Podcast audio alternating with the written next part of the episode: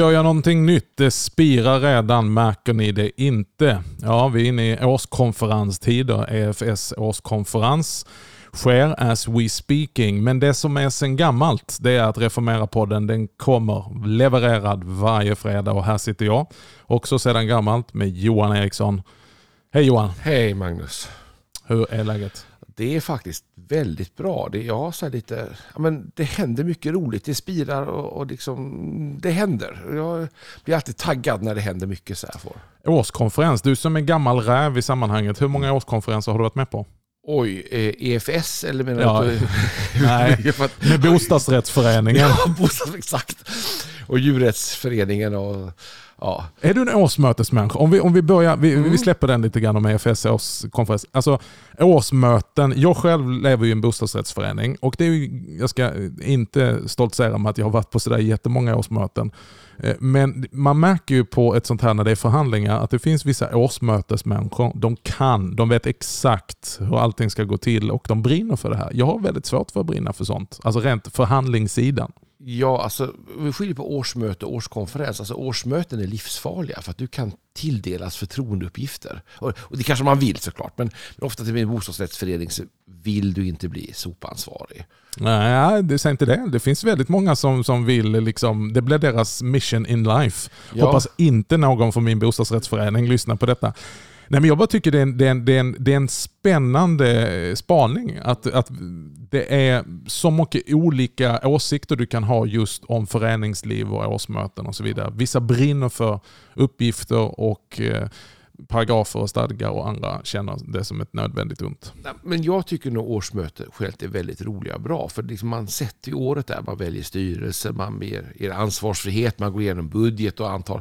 Och det är liksom ett avstamp. Så jag, jag, tycker att årsmöten, och då får man skilja nu på kristna verksamheter och, och faktiskt bostadsrättsföreningar. För det är olika tyngd, tyngd i uppdraget om man säger ja, så. Och låt oss vara tydliga med det, att nu talar vi inte om det vi ska tala om sen, utan Nej. bara fenomenet. Men det är väldigt svenskt. Jag tänker också att, att min tid i frikyrkan, jag, jag noterade ju det här att, att, ibland så var det inte samma personer som åkte på årsmötet eller kongressen som åkte på den stora uppbyggelsekonferensen som ofta låg en mm. annan tid på mm. året. Och man, de rörelser har varit aktiva då genom åren. Mm. I EFS har vi årsmöte och årskonferens samtidigt. Jag tror det finns en styrka i det. Mm. Att det är både konferens och möte. Och det, det skapar en och den här uppdelningen. För man kan annars att det finns årsmötesmänniskor mm. och konferensmänniskor. Just det. Och inte alltid de två möts.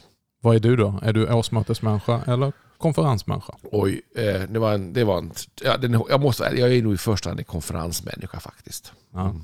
Du är en konferens... Eh, du, du går efter konferenskicken. Ja, ja men under, alltså, hela mitt kristna liv sedan jag var ja, barn egentligen så har det varit konferenser. Det var Timmernabben, det varit familjefesten i Ljungskile eh, Europakonferensen på Livets Ord. Det har varit en mängd uppsjö fantastiska konferenser i Sverige som man har åkt på. Så att, stå, Torp såklart och Nyhemsveckan. Jag har varit Binder, Dandermål. Ja. Men vi ska prata mer om konferenser idag.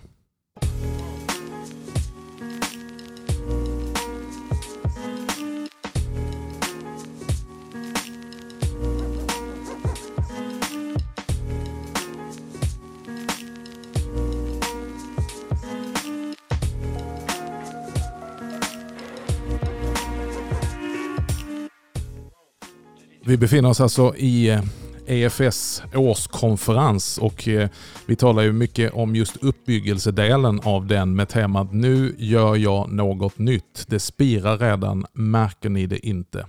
Konferenser är en stor del i svensk kristenhet och internationellt också. Eh, milstolpar, viktiga avgöranden, viktiga tilltal, visioner som föds, missionsinitiativ som man tar beslut omkring. Vad är den mest... Eh, eh, har du några sådana milstolpar som har med konferenser att göra? Där, där fick jag vara med om någonting. Det behöver inte bara vara personligt, men där mm. hände det. Mm. Ja, men det, det är så.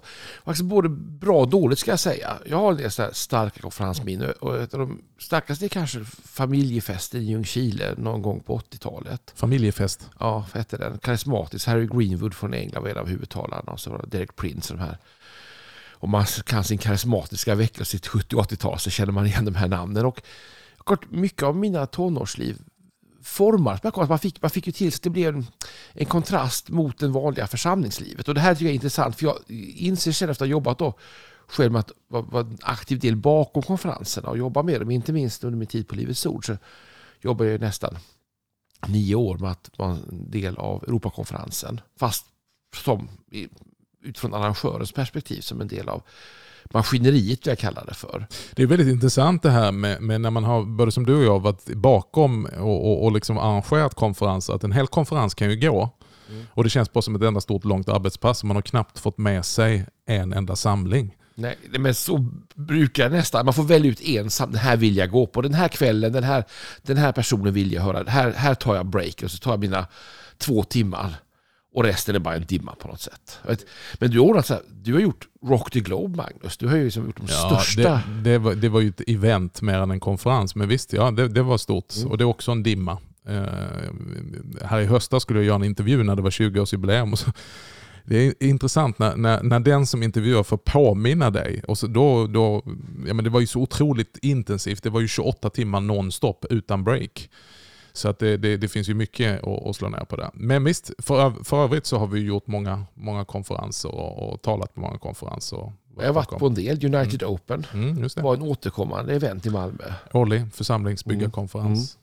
Med många, och jag tänker också en stor bredd av talare måste jag säga. Mm. Helkyrklighet. Mm, mm, exakt, ja, men, men det är spännande. Men sen tänker jag att det här också finns en risk att man liksom låter konferensen bli grejer, att man tappar lite den lokala församlingen och vardagslivet. Mm. Och det finns någonting i den som jag de senare åren har känt att det kanske inte är så sunt att ha för höga förväntningar på konferenserna.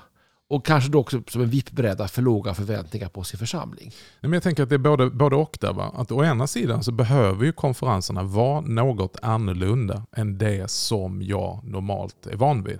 Att få nya intryck, att få komma till en oas där jag får dricka friskt vatten, bli uppbyggd, få nya intryck och, och, och liksom god undervisning. Så det behöver ju vara lite mer liksom, eh, vad ska jag använda för några ord? Men, men, men det är inte fel att det är större, bättre, vackrare än det vanliga församlingslivet. För annars är det ju ganska meningslöst. Å andra sidan så måste du återkoppla hela tiden, speciellt vi som är en rörelse som, som eh, sysslar med, har väldigt upp, uppdragsorienterade, att det som sker i vardagen i det lokala, att det måste hela tiden ha en koppling dit. Mm. Så att jag blir utrustad för det som faktiskt väntar mig sen på måndag. Ja, men, och det är bra. Och då är det ju faktiskt en, lite grann som åka in på service, åka på en större konferens. Jag tycker OAS-möten har funkat mycket som det. För de har ju både väldigt mycket bra undervisning och lovsång men också en väldigt uttalad förbönstjänst, själavård och helande tjänst. Lite grann tror jag, som en rundsmörjning för många faktiskt. Och sen tänker jag också på alla små sammanhang som mm. finns. Eh, mm. Ibland så blir vi bortskämda, vi talar jämt om stora sammanhang och man är van och så tänker man åh nu är det en grej till. Men så talar ju ofta de bortskämda. Mm. Eh, vi får väl sätta oss själva i den kategorin. Att det, jag sitter här nu, jag kommer direkt ifrån en konferens till exempel, en annan konferens. Eh, men vi får också tänka på att den stora majoriteten lever vardagligen i små sammanhang, är inte bortskämda med gästande predikanter och etc. Så för dem är det liksom toppen. Men nu är det ju en dimension som saknas det här året, igen. Två år i rad har vi inte kunnat mötas fysiskt, mm. utan mm. det är digitalt. Mm. Ja, mer om det.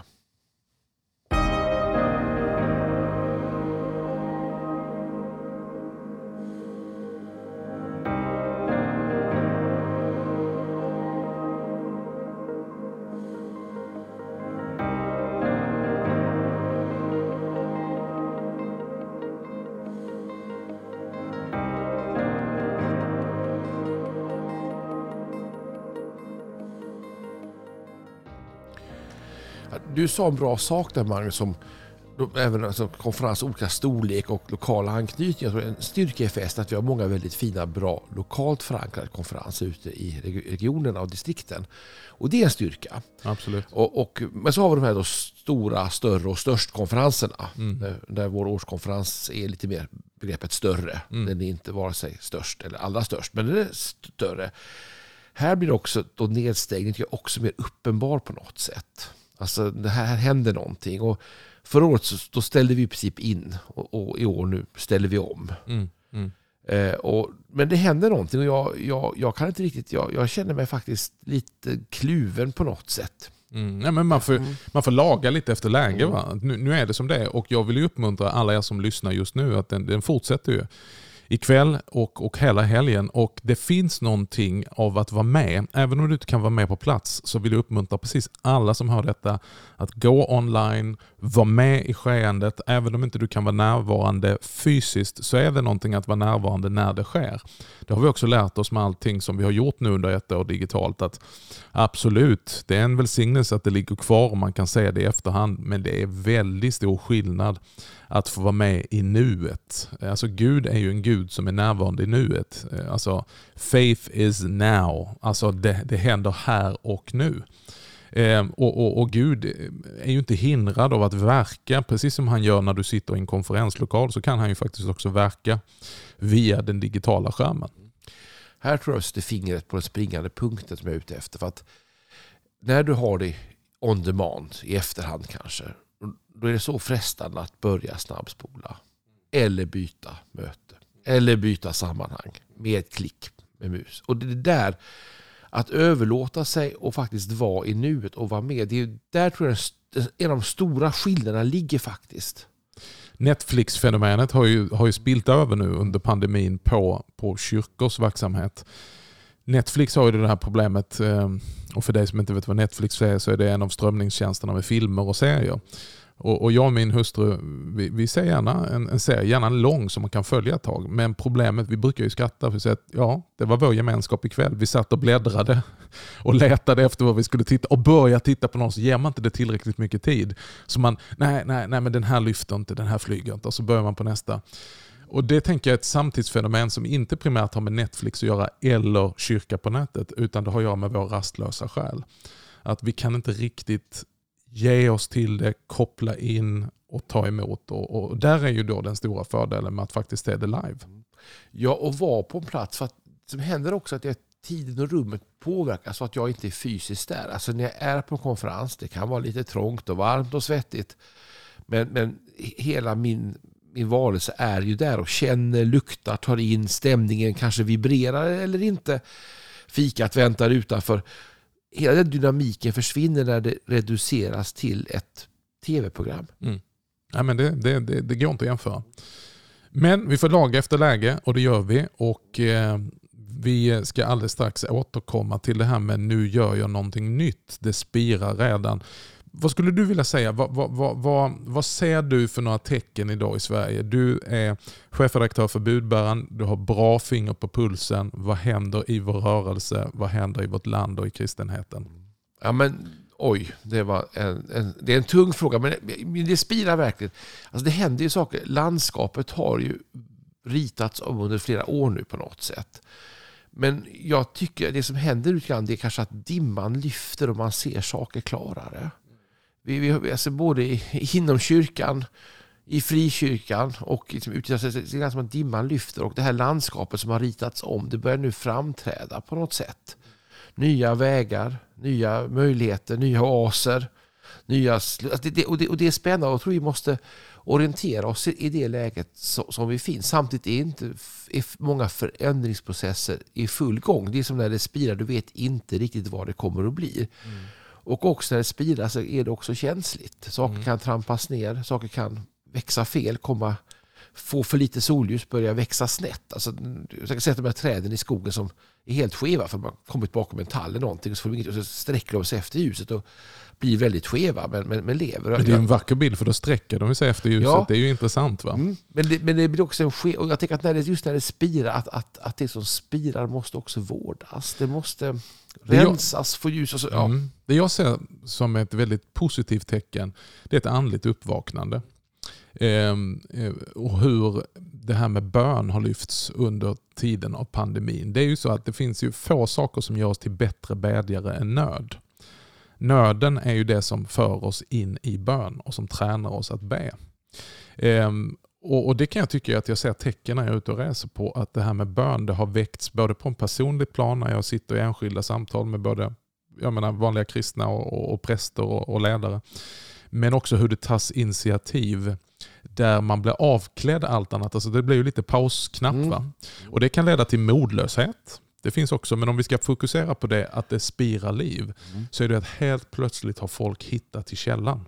Helt plötsligt så är inte schemat fullt. Helt plötsligt har det blivit paus på all annan verksamhet där man bara ska leverera och folk har fått tid att faktiskt fylla på. Och det händer någonting med människor som lever i bön. Då börjar helt plötsligt massa möjligheternas dörrar öppnas och man kan liksom säga att nu, nu är Gud och färde. För att vi har vänt våra blickar uppifrån våra dagliga arbeten och fäst vår blick till Gud och helt plötsligt börja ha en kommunikation och börja ta in Guds perspektiv. För att allt annat man ser utifrån sitt eget perspektiv är kanske inte så uppmuntrande och det har med restriktioner att göra. Mm. Ja, men jag håller med. Jag, jag önskar säga att jag har fått uppleva det också. Jag tycker att det har blivit mer arbete och mer upptagen tid och mindre tid för kontemplation och bön under pandemitiden här. Men, men det är min personliga upplevelse. Men jag, jag hör vad du säger. Jag tror att det är så. Att vi, vi ser ett uppvaknande i Sverige. Vi ser också att människor omprövar världen. Alltså vad betyder någonting? Kanske tid med familjen. Att få bo nära naturen. Har fått en revival, tänker jag. Bo på landet. Mm. Som en ny gröna våg. Folk vill, vill köpa hus och odla och ha sig och skaffa får och ja, allt möjligt.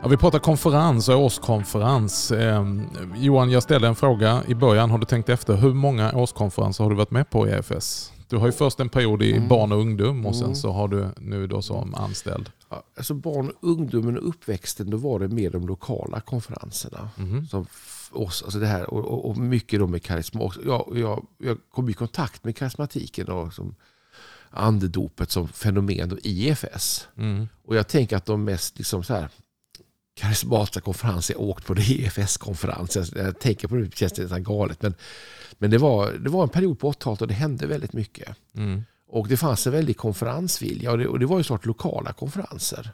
Ordnade, men, men ofta, och, sen, och, sen, och sen fick jag smak så att det är via dem som jag hamnade på familjefesten. Och sen, sen åkte vi mycket, jag tänker också eh, tiden i Västerbotten, vi åkte till Lapplandsveckan Mm. där tillsammans. Som ett, Mm. alltså jag, jag tänker att väldigt mycket av min uppväxt är ju kristna konferenser inom eller utom EFS. Och, och egentligen en självklarhet genom hela mitt liv. Det är först de senare åren som jag har känt en konferenströtthet egentligen. Mm. Så, så låt oss tala om det då. Eh, Konferensernas vara eller icke vara. Många idag talar att ah, men du vet, konferenser, den tiden är förbi. Jag tror personligen inte det. Eh, Men jag tror att vi måste förvalta det väl. För det kan ju bli lite väl mycket konferenser. Men vad, vad är ditt take på det? Du har hört samma spaning, Mm. eller hur? Ja, nej men jag, tänk, jag tror att, alltså, jag, tycker, jag tänker lite grann på Bjärka Säby och deras höstmöten och så vidare. Det, det format, det är ett väldigt tydligt konferensformat. Eh, Jag tänker på den klassiska stora karismatiska konferensen som eh, Europakonferensen som andra försöker ta efter lite på höga platser i Älmhult och så vidare. Klassisk. Okej. Ja, men jag tänker att det, för, det, för, det här stora kända talare, liksom mycket folk, stort lovsångsband, liksom, eh, gärna 7-8 tusen eller mer pers på samma gång. Det upplevs som mest 13-14 tusen pers liksom, i Uppsala på samma gång. Det, det finns en, alltså, jag tänker att få, få be tillbe Gud i den stora församlingen, talar psalmisten ofta om. Mm. Man märker ju att konferens är ju ett väldigt frikyrkligt uttryck. Mm. Eh, Jag som jobbar väldigt mycket med riktning in mot Svenska kyrkan. Konferens för dem, det är mer också som, som jag tänker sekulära människor tänker konferens. Det är någonting man gör på arbetstid. Det, det, det liksom man, man samlas eh, i, i någon föreläsningssal, lyssnar på föreläsning, går på workshop. Det, det, det blir lite så här höjda ögonbryn, så bara konferens en hel helg. Och så Mm. har man en helt annan bild. Så det är väldigt begränsat till den frikyrkliga världen att tala om konferens.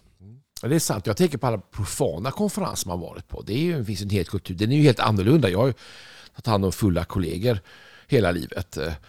Eh, Som varande nykterist. Och så blir man alltid den som får På ta... Europakonferensen. Nej, nu pratar vi profana konferenser. Magnus. Pratar vi så här. Nej, men i jobbet, ett pro- haft profant jobb. Man samlar liksom hela koncernens folk i en sån här jätteanläggning.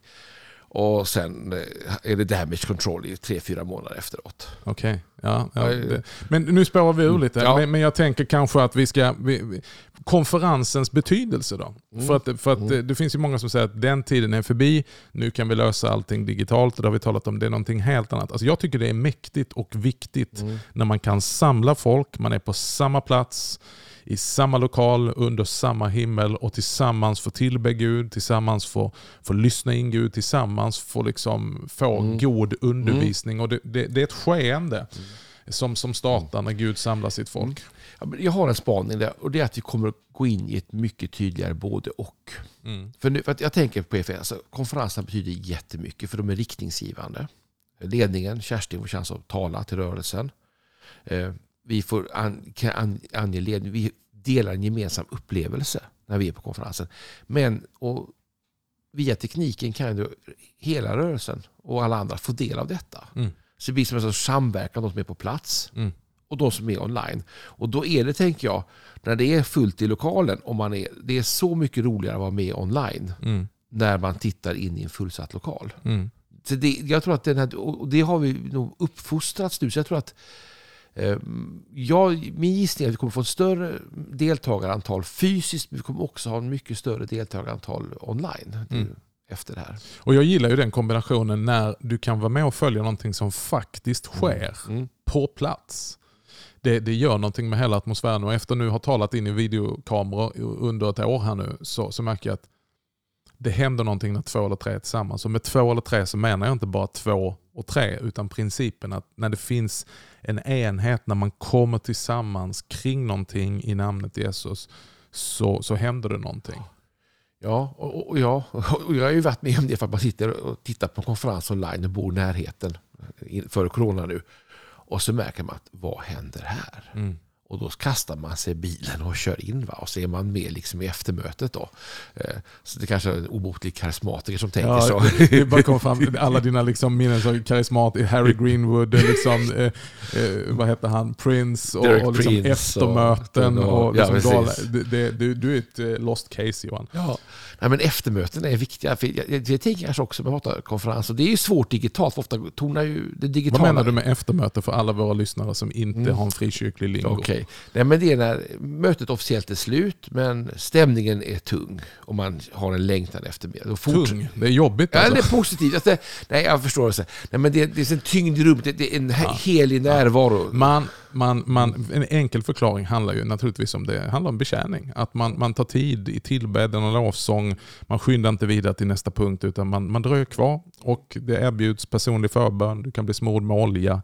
Du kan få bli betjänad på olika Ja. sätt och vis. Värdefullt. Ja, eller bara vara i lovsången. Ja. Utan liksom tidsbegrepp, utan en deadline så står du och, får tid. Och, och jag kan tycka att ibland att, att det, det är ljuvligt, även om inte du har behov av att gå fram och få förbön, att få vara i ett eftermöte då, som vi beskriver det här, tycker jag tillhör en del av det kristna livet faktiskt. Ja, precis. Och, och, och jag menar, det funkar ju även i ett liturgiskt sammanhang. Där försöker jag ju uppmuntra folk att ta vara på den här skatten. Att i samband med nattvardsfirandet, att inte ha för snabbt utan låt folk röra sig i rummet, hitta sina platser. Allt ifrån att tända ett ljus till falla på knä till att erbjuda personlig förbön och betjäning.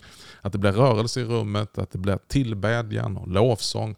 Det här finns ju många traditionella kyrkor som eh, Taizé till exempel eh, har ju väldigt liksom, stark betoning på detta med tillbedjan och stanna kvar och dröja i Guds närvaro. Mm. Och jag tänker att det alltid är ett både och. Ja. Det här kan aldrig ersätta god förkunnelse till exempel, utan det måste alltid vara ett både och. Mm. Och gärna liturgisk ram på alltihopa. Det är, det är inget fel i att man ramar in det. Nej, det håller ju ihop. det- ja. Det håller ju Mm. ihop och ger saker och ting riktning. Och, eh, jag brukar alltid ställa den frågan. Eh, det finns ju ett känt tv-program som heter eh, På spåret. Och så brukar ju Christian Luuk ställa frågan, var är vi på väg? Och det kan man ju ibland ställa i vissa konferensmöten där det är så mycket olika innehåll så jag brukar säga, var är vi på väg? Mm. Om man tittar och försöker gissa och så vidare. Eh, Tryggheten med en liturgisk gudstjänst är en gudstjänstform som genom årtusenden har prövats fram och, och leder någonstans. Och så mässan. För det som jag har lärt mig om åren är att mässans betydelse att få dela brödet och vinet har blivit så mycket större för mig. Och kanske det som jag kanske haft, så här, jag- och, den förenklas ofta i många sammanhang. Jag, jag tycker att den måste få ha sin plats och att den är faktiskt en central plats Mm. av mötet. Och, och jag uppskattar många former av möten, men jag uppskattar nog mässan Mm. allra mest idag. Nåväl, vi är mitt Mm. i EFS årskonferens och eh, vi eh, uppmuntrar dig gärna att eh, logga in och titta. Redan i eftermiddag är det panelsamtal om EFS vision och goda exempel. Det är moderator Lennart Albertsson, regions, eh, regional missionsledare i EFS Syd. Vi har seminarier eh, klockan 15.00 och 16.30 och sen 19.30 så är det då en kvällsmässa med lovsång med Hope, eh, Hope for this nation och eh, Johanna Björkman, före detta generalsekreterare för SALT, predikar ikväll. Och sen 21.00 så är det konsert ifrån Kalmar med Maria Lövenham Trio som kommer till att sjunga eh, salmer av Lina Sandell. Ja, och så fortsätter det hela lördagen från tidig morgon till sen kväll. Imorgon kväll så har vi kvällsgudstjänst med An- Anders Petter Sjödin och klockan 10.00 på söndag så är det festhögmässa med Kerstin Oderhem, vår missionsföreståndare. Mm. Så att det är en spännande helg. Det är. Och, allt finns ju kvar. efsplay.nu. Där ligger det efsplay.nu. i all evighet nästan. Är Herrens återkomst åtminstone. Ja. Och vår återkomst, Mm. den kommer i etern nästa fredag. Till dess måste vi få önska dig Guds Guds rika välsignelse. välsignelse.